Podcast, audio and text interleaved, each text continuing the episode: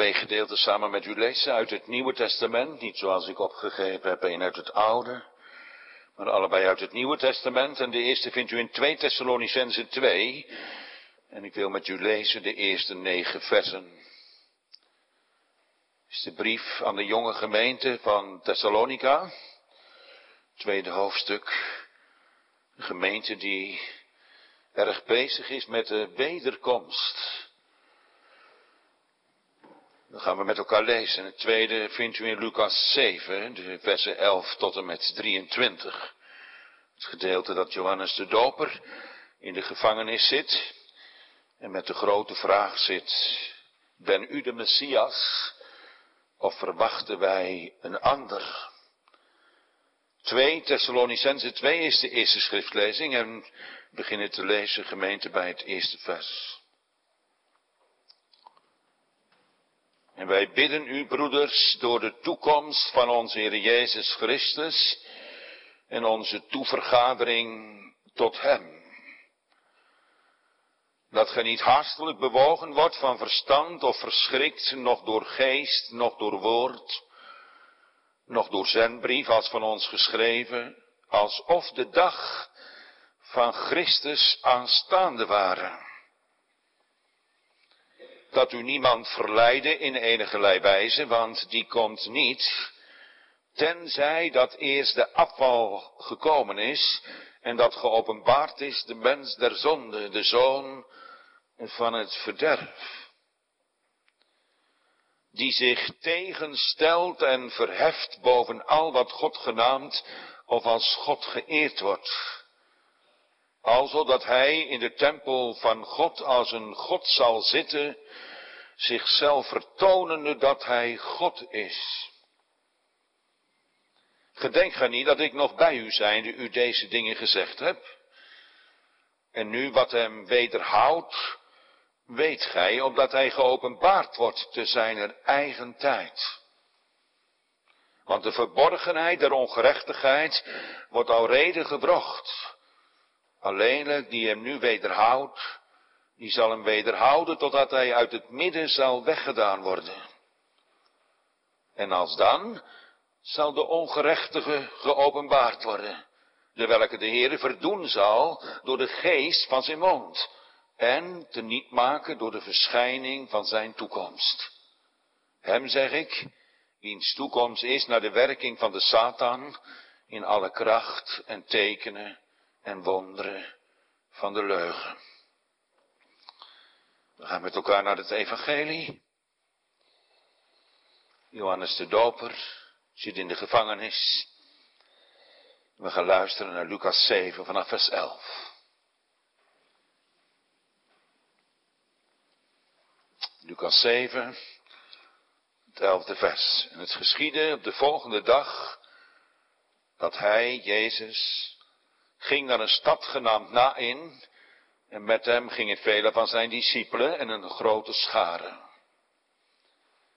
En als hij de poort van de stad genaakte naderde, zie daar een dode werd uitgedragen, die een enige geboren zoon zijn moeder was. En ze was weduwe, en een grote schare van de stad was met haar. En de Heere haar ziende werd innerlijk met ontferming over haar bewogen, en zeide tot haar, ween niet, huil niet. En hij ging toe en raakte de baar aan. De dragers nu stonden stil en hij zei de jongeling, ik zeg u, sta op. En de dode die zat overeind en begon te spreken en gaf hem aan zijn moeder. En vrees, beving en alle, en zij verheerlijkte God, zeggende, een groot profeet is onder ons opgestaan. En God heeft zijn volk bezocht.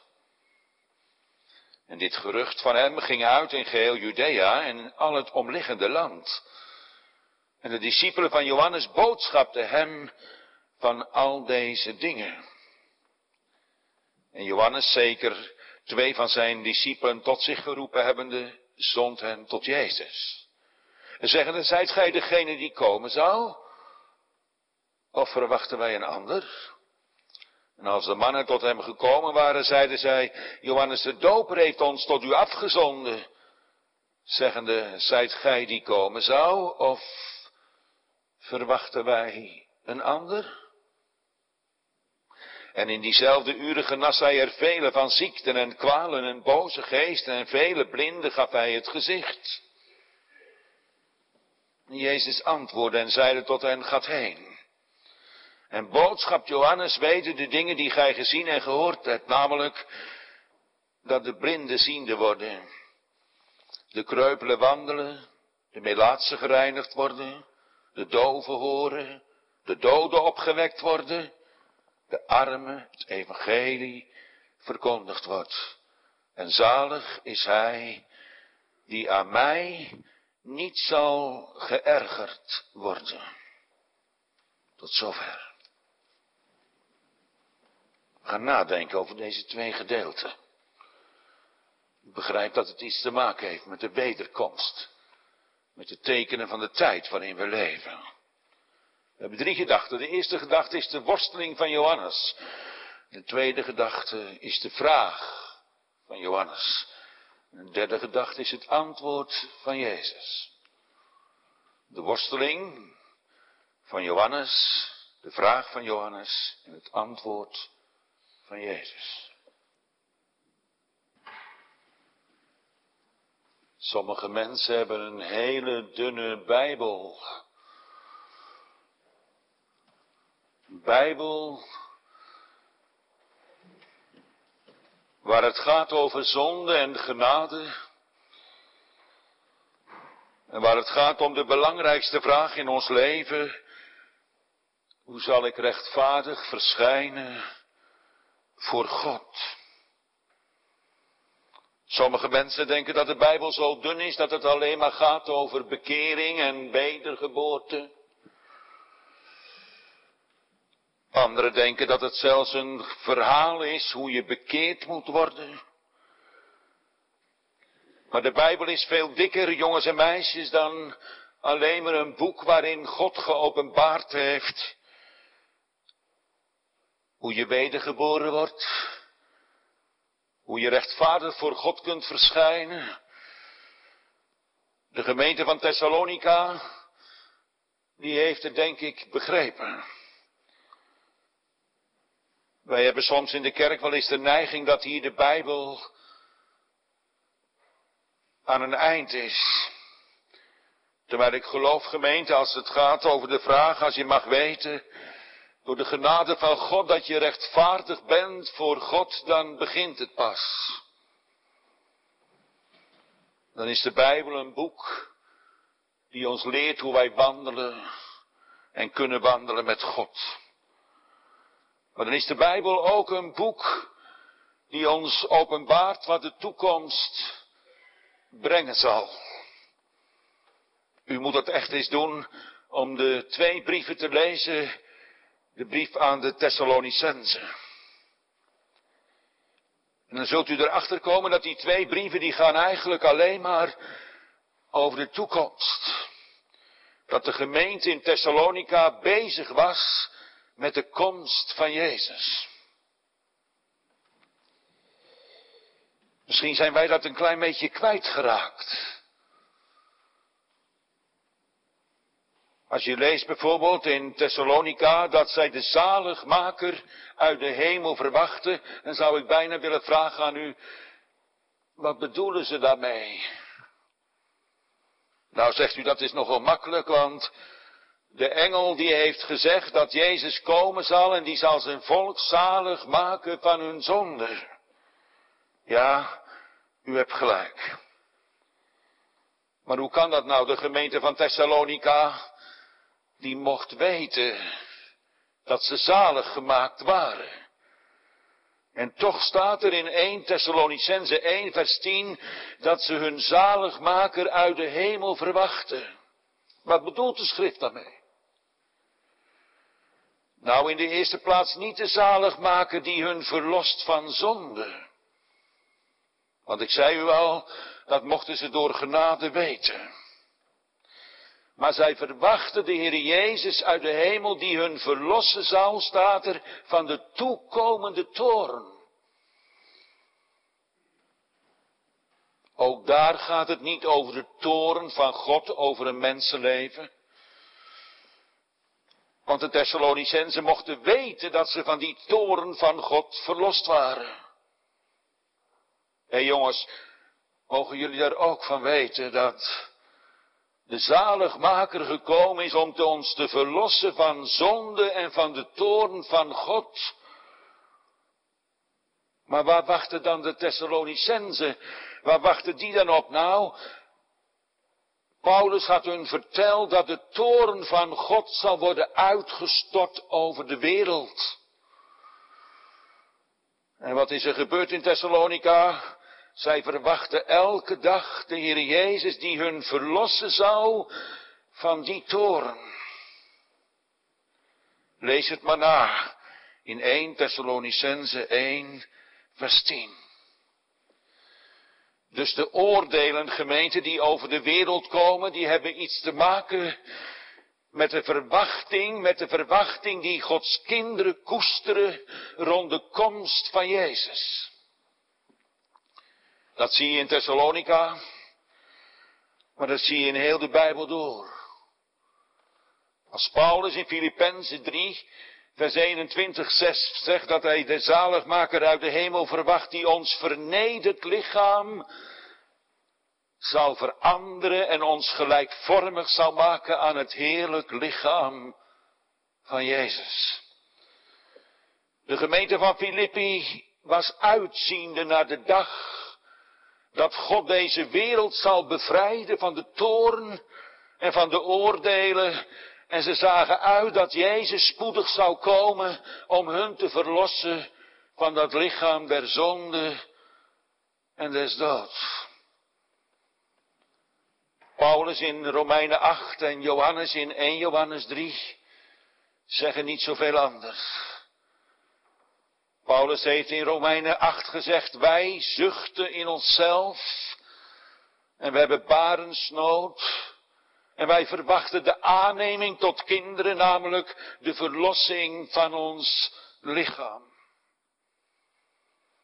Gemeente, mag ik eens vragen aan u en aan jullie jonge mensen, verwachten jullie ook de Heer Jezus uit de hemel?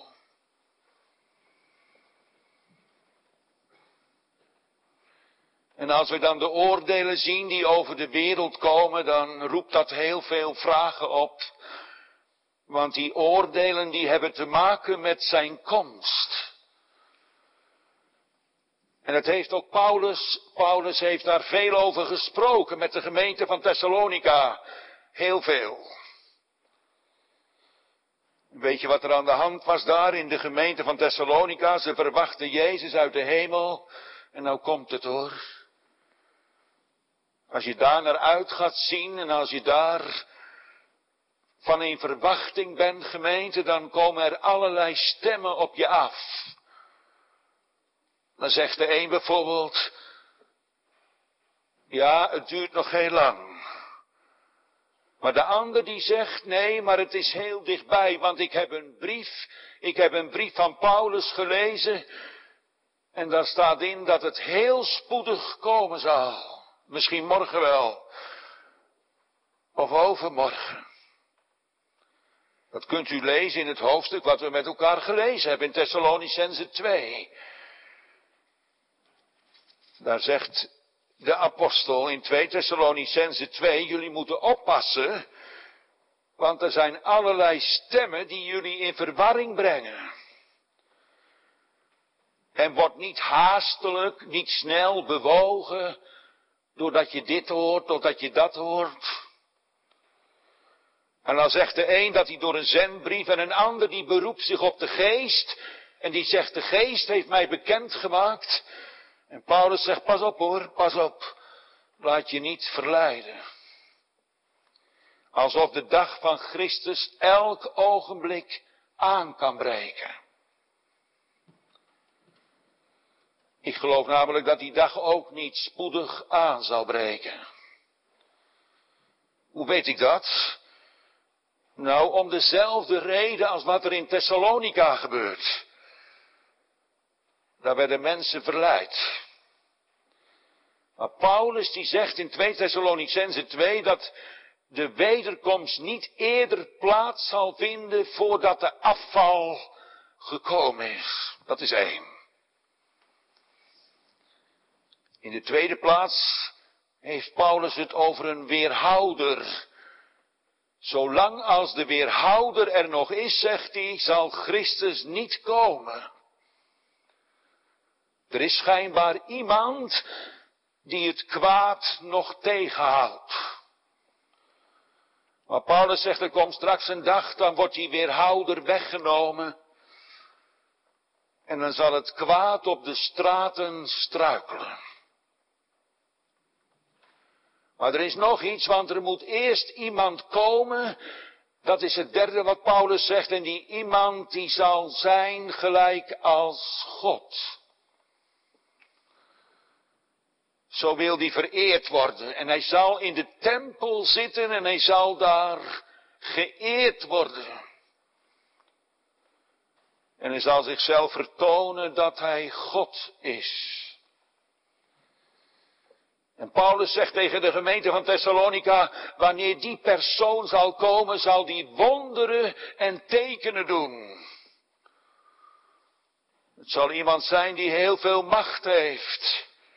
En dat de mensen onder de indruk zullen zijn van deze persoon die straks komen zal. Ik heb jullie dit allemaal eerlijk verteld, zegt hij, toen ik bij jullie was in de gemeente. Toen heb ik dit allemaal tegen jullie verteld dat het zo zal gaan.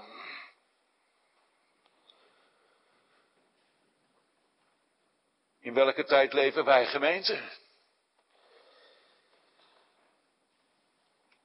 Leven wij ook in de tijd dat de oordelen van God steeds helderder en klaarder en duidelijker gezien worden, toch? De beeldvorming wat er in, deze laatste, in dit laatste jaar gebeurd is, heeft bij u en bij mij grote sporen achtergelaten. Onbewust is onze beeldvorming veranderd. Er hangt een geest in de lucht die we met z'n allen niet goed kunnen verklaren. Waar de wetenschap en de politiek en ook de kerk soms sprakeloos staat. Er is iets aan de hand. Zonder om het concreet te maken, er hangt iets in de lucht.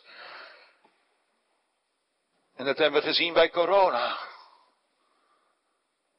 Afgezien even van het virus, maar de snelheid waarmee dit virus de wereld beheerst heeft, is wel iets opmerkelijks. En wat er twee weken geleden in Afghanistan is gebeurd. En als we zien hoe het in de politiek gaat op dit moment, en wat er verandert als het gaat over seksualiteit en als het gaat over genderideologie. Er verandert heel veel. Wij moeten erop rekenen, wij moeten er klaar voor zijn, gemeente, dat de afval aanstaande is. Dat de oordelen van God gevolgen zullen hebben in onze kerken. Zonder dat ik het verder te profetisch wil invullen. Maar we moeten rekening mee houden dat er afval komt, afval van de leer.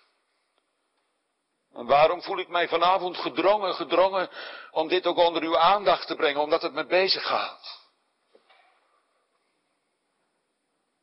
En dat ik samen ook met vrienden worstel met de tekenen van de tijd waarin we leven. Dat ik soms wel eens denk dat de oordelen van God niet meer zijn af te bidden, gemeente.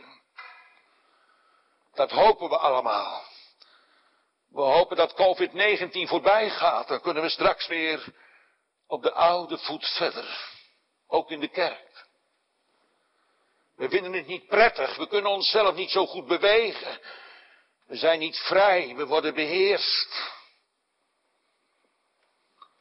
Daarom bidden we misschien wel of dat God dit spoedig wil wegnemen.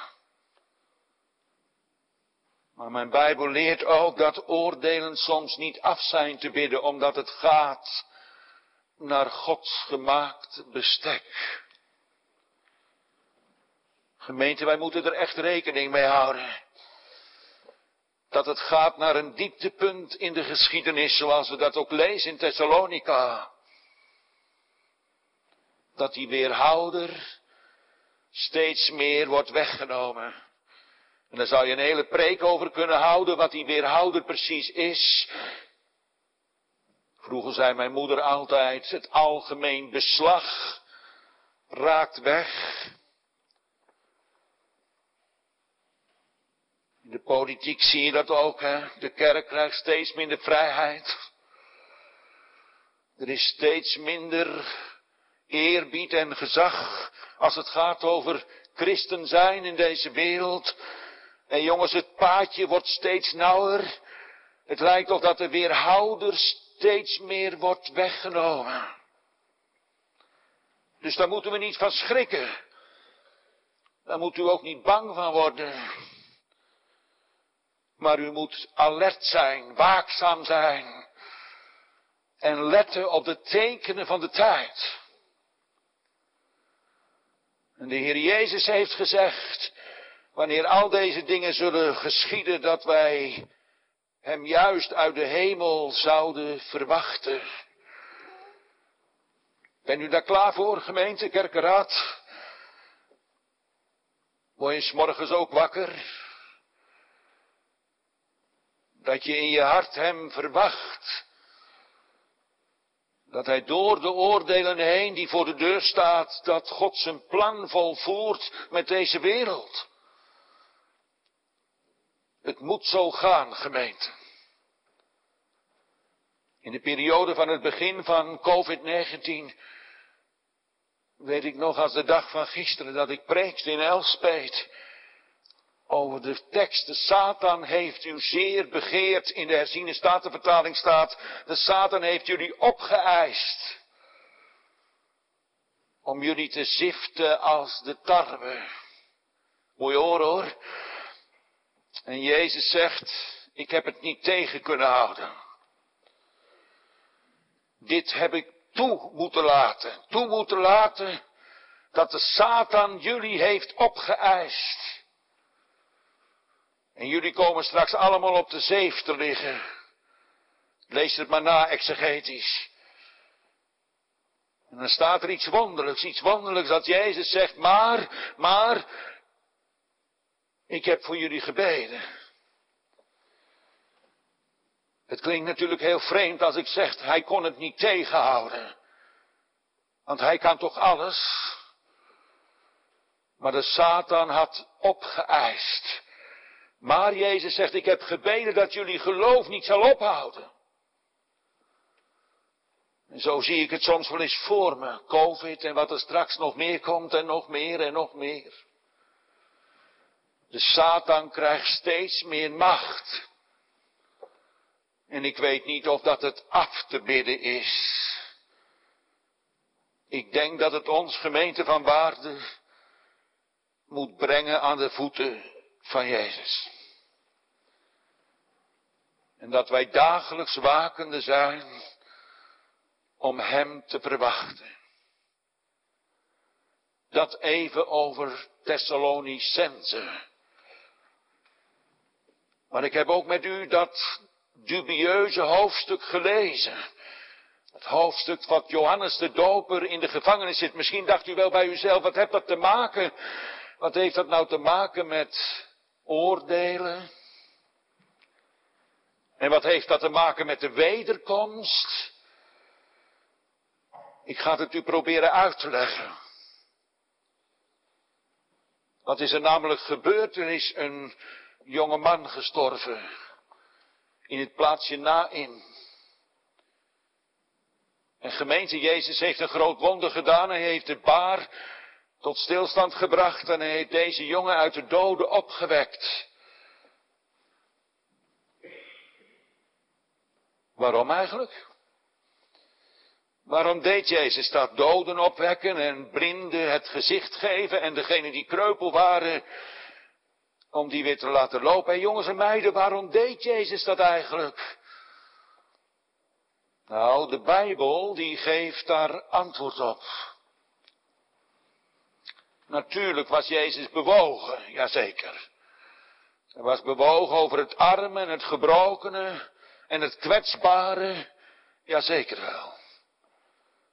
Maar de Bijbel zegt dat hij het deed opdat Israël zou zien dat hij de beloofde Messias was. Je kon aan de tekenen zien dat hij Jezus was. De Messias, de beloofde Messias door Jezaja, door Jeremia, door Zacharia was het geprofeteerd. Wat gebeurt er? Johannes de Doper komt in de gevangenis terecht. En de discipelen, de volgelingen van Johannes, hadden op een of andere manier toegang, toegang tot de gevangenis. En wat gebeurt er? Johannes de Doper hoort dat zijn discipelen zeggen, heb je het ook gehoord Johannes, er is iemand uit de dood opgewekt. Maar Johannes is helemaal niet blij.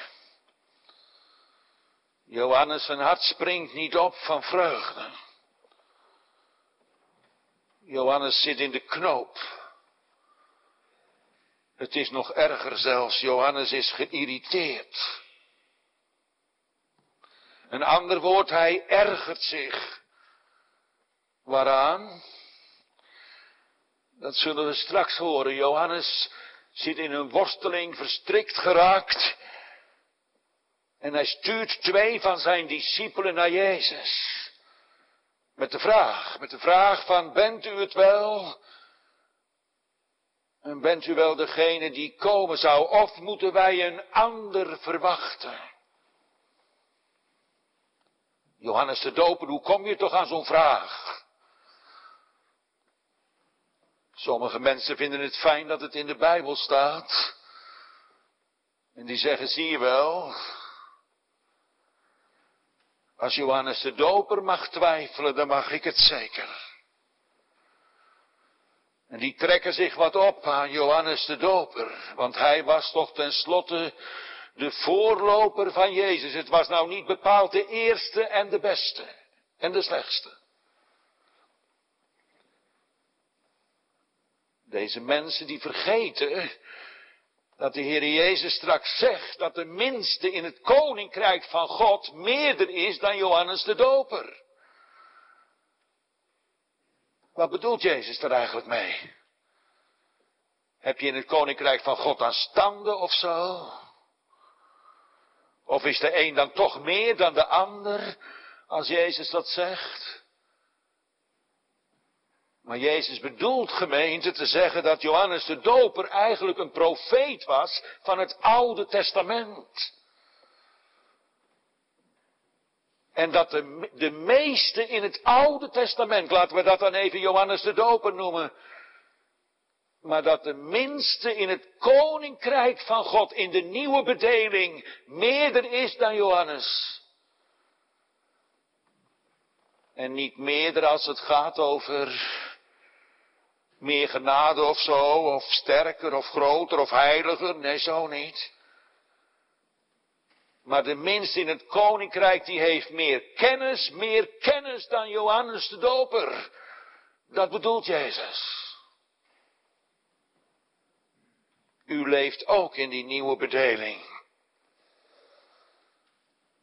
Natuurlijk hebben we Johannes de Doper hoog staan. Hij was de stem van de roepende in de woestijn. Hij was de voorloper van Jezus. Jazeker wel. Maar Jezus zegt, dan in het Nieuwe Testament, in de nieuwe bedeling, de kleinste meerder is dan Johannes de Doper.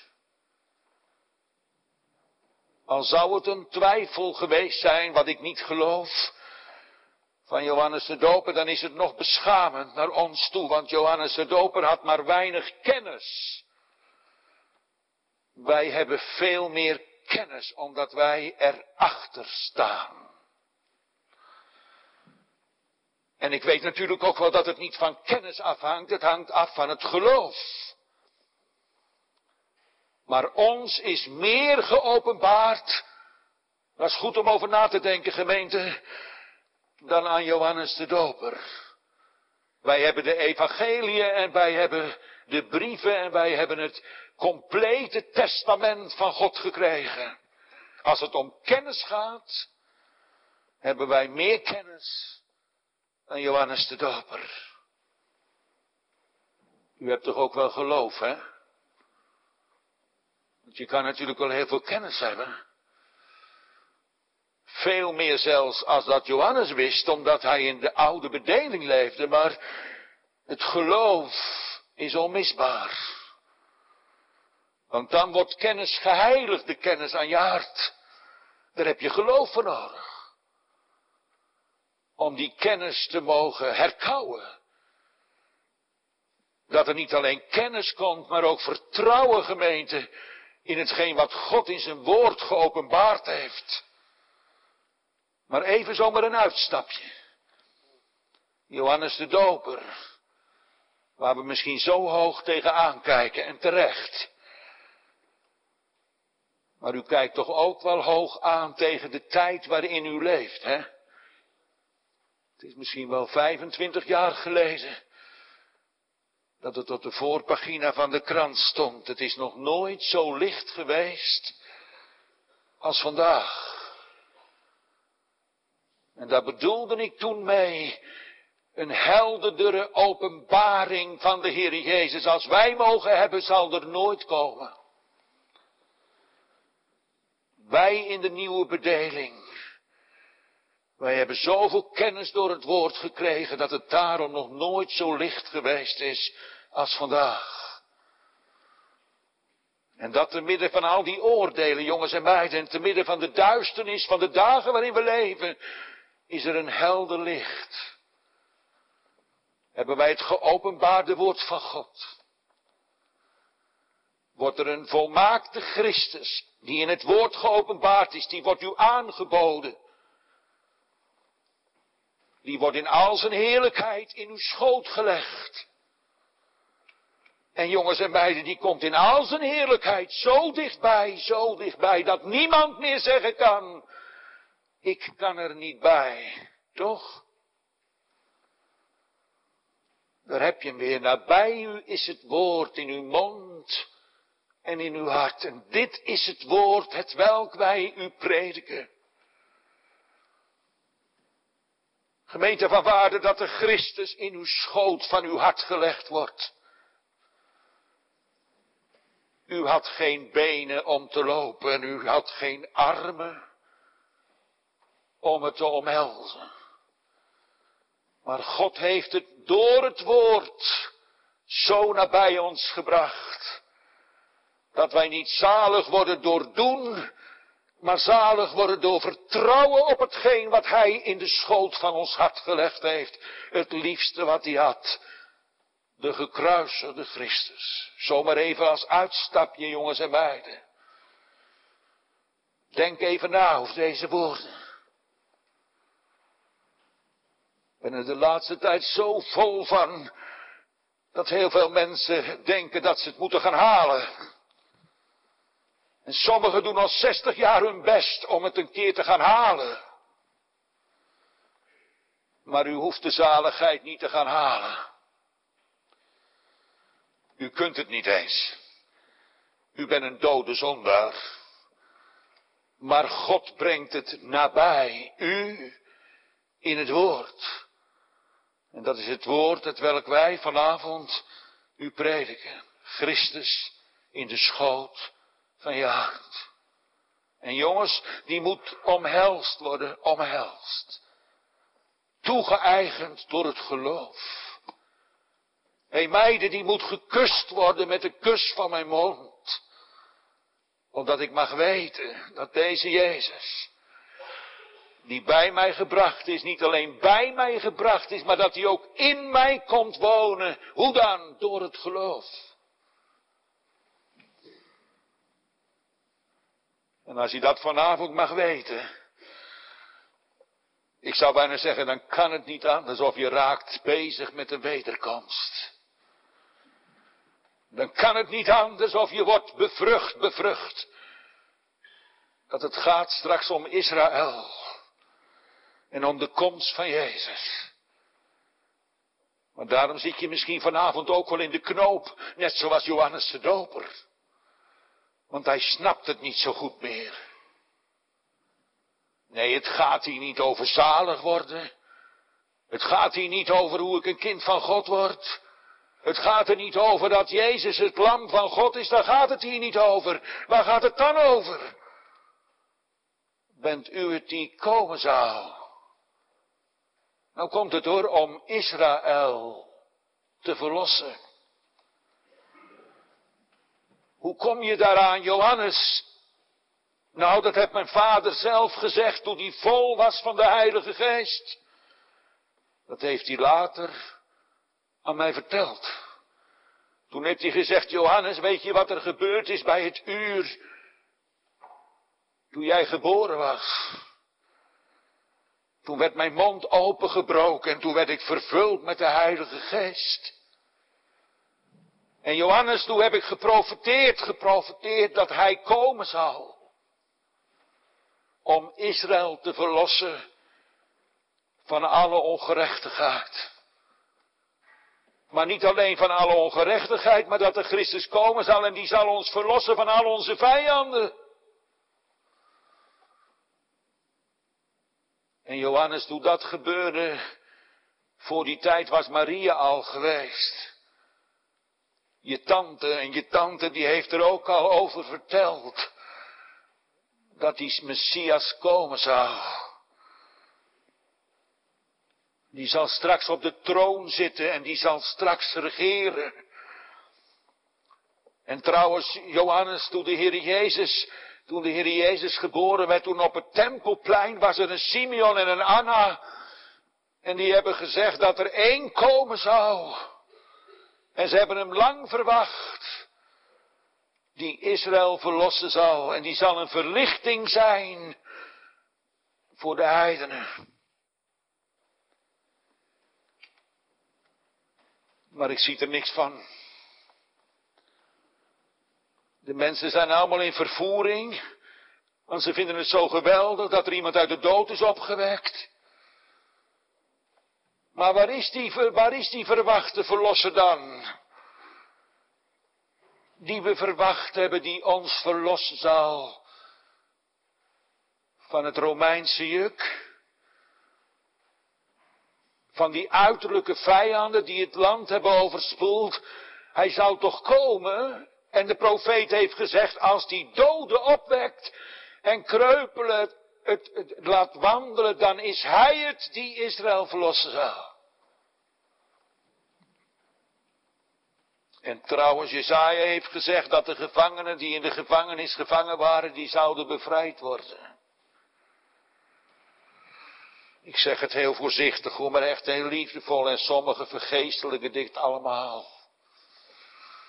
En zeg, het gaat natuurlijk over geestelijke vrijheid. Het gaat natuurlijk helemaal niet over dat letterlijke Israël. Wij zijn natuurlijk in de plaats gekomen van Israël. Het is allemaal toch goed gekomen, dominee. Johannes heeft zich vergist. Maar Jezus zegt niet dat Johannes zich vergist heeft. Jezus zegt tegen de discipelen van Johannes, jullie moeten maar teruggaan naar Johannes in de gevangenis. Jullie moeten maar zeggen tegen Johannes, zalig is die man en die vrouw, die niet geïrriteerd wordt en geërgerd wordt aan mij. Was Johannes de Doper dat? Was die geïrriteerd? Hij snapte Gods weg niet meer. Heb u dat ook wel eens gemeente, dat je God niet meer begrijpt? Dat God je dingen belooft. En dat het tegendeel openbaar komt. En dat je soms jezelf ook eraan ergert. Omdat je het niet meer snapt. Omdat je had gedacht dat het zo zal gaan en zus zal gaan, Johannes ook. Hij zag hem al staan. Hij die de dorst met de, met de vleugel de dorstvloer zal doorzuiveren. Waar blijft hij nou? En de discipelen krijgen antwoord. Ga maar terug naar Johannes en zeg maar dat het waar is. Wat de profeten hebben gezegd. Kreupelen, gaan huppelen.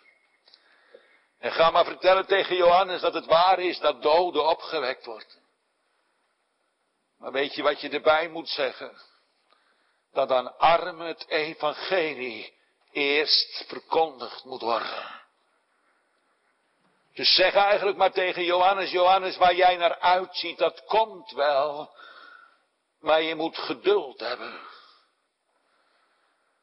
Wat God beloofd hebt, Johannes, dat zal gebeuren.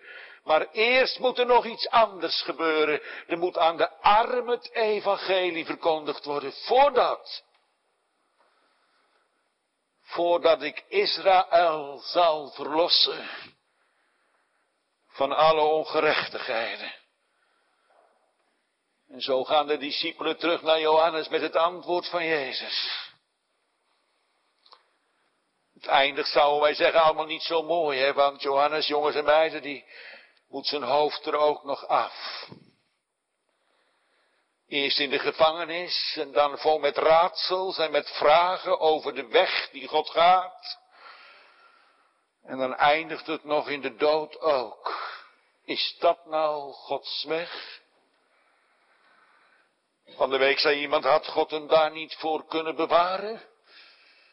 Moet het nou zo gaan met een dominee? Die zo kort gepreekt heeft. En dan door een meisje, een meisje. Die het hoofd vraagt van Johannes en het nog krijgt ook.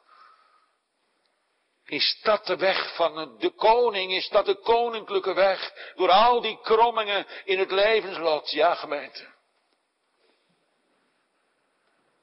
Daarom zal er een dag komen dat God Israël verlossen zal. En nu wordt er aan u nog het evangelie verkondigd. Ik denk van niet zo lang meer, dat is geen profetie, maar dat staat gewoon letterlijk in de Bijbel. Totdat de zandloper bij God vol is. Er staat een woord in het Grieks dat betekent de bepaalde tijd die door God bepaald is. Wanneer die zandloper vol is. Als het gaat om de armen. Als het gaat om het evangelie wat wij mogen hebben. Die kandelaar, die kandelaar, die zal straks worden weggenomen.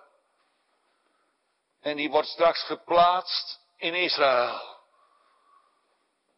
Daar is die vandaan gekomen. De kandelaar van het licht. En omdat Israël de Christus verworpen heeft, daarom is die kandelaar voor een poosje bij ons neergezet. Wij hoorden er eigenlijk niet bij. Maar Gods plan was zo dat wij heidenen ons mochten verblijden in het evangelie van de verzoening. Maar weet u wat ons nog te wachten staat? Een donkere tijd, dominee, hebt u net gezegd. Bange oordelen, jazeker. We gaan straks Psalm 124 misschien wel zingen. Hè? Dat wij ook waren vernield als God ons niet had. Het is nu nog maar een klein windstootje, toch? Afgezien van dat sommigen diep pijn en gevolgen hebben van corona. Maar het is nog maar een windkracht 1 toch gemeente. U hebt nog een dikke portemonnee. En u hebt nog een mooie auto. Hè? En we kunnen nog doen wat we willen. Een beetje beperkt wel. En we kreunen al. En we mopperen al. En we murmureren al. Maar we moeten bereid gemaakt worden voor de storm die komen zal. En dan? Dan is het afgelopen. Oh ja? Paulus zegt van niet. Paulus die zegt wanneer Israël tot bekering zou komen, dan zal dat zijn als een opstanding uit de doden voor de wereld. Is dat zo? De verwerping was al verzoening voor de wereld. Wat zou de aanneming wezen? Staat dat allemaal nog voor de deur? Ja. Ik weet niet of dat u er straks bij zou horen om dat mee te maken. Ruttefort, Ruttefort zei, ik wil wel verbannen zijn uit de hemel om dit nog mee te maken, waar Johannes de Doper al zo lang naar uit heeft gezien. Maar misschien moeten wij voor die tijd al sterven. Hè? Misschien wel door de oordelen die over ons land komen en over ons volk. Als u maar bereid bent. Als u maar schuilt achter het bloed van het lam. Als u de waarde, de waarde maar ingezien hebt van die ene naam, Jezus Christus. Dan heeft Hij beloofd aan jou, ik heb voor je gebeden. Wanneer het water tot je lippen staat, dat je geloof niet zal ophouden. Wat een geweldige troost. Laat dan corona maar komen. Hè? De dochteren Sion zijn verblijd als zij de oordelen horen. Nee toch. Want zo gaat het toch ook niet goed, hè gemeente, of wel? Huisje, boompje, beestje. En ik sluit mijn eigen erbij in hoor. Maar laten we klaar zijn, klaar zijn om Jezus te verwachten. En u, die soms ook in de knoop zit omdat u dacht, nou komt hij eraan, maar hij blijft nog weg. Dat u niet geïrriteerd zou raken. Of als de weg in uw persoonlijk leven anders gaat als dat u gedacht had, wordt niet geërgerd. Geërgerd aan de weg die God met u gaat. Kind van de Heere, ge moet door veel verdrukking ingaan in het koninkrijk der hemelen.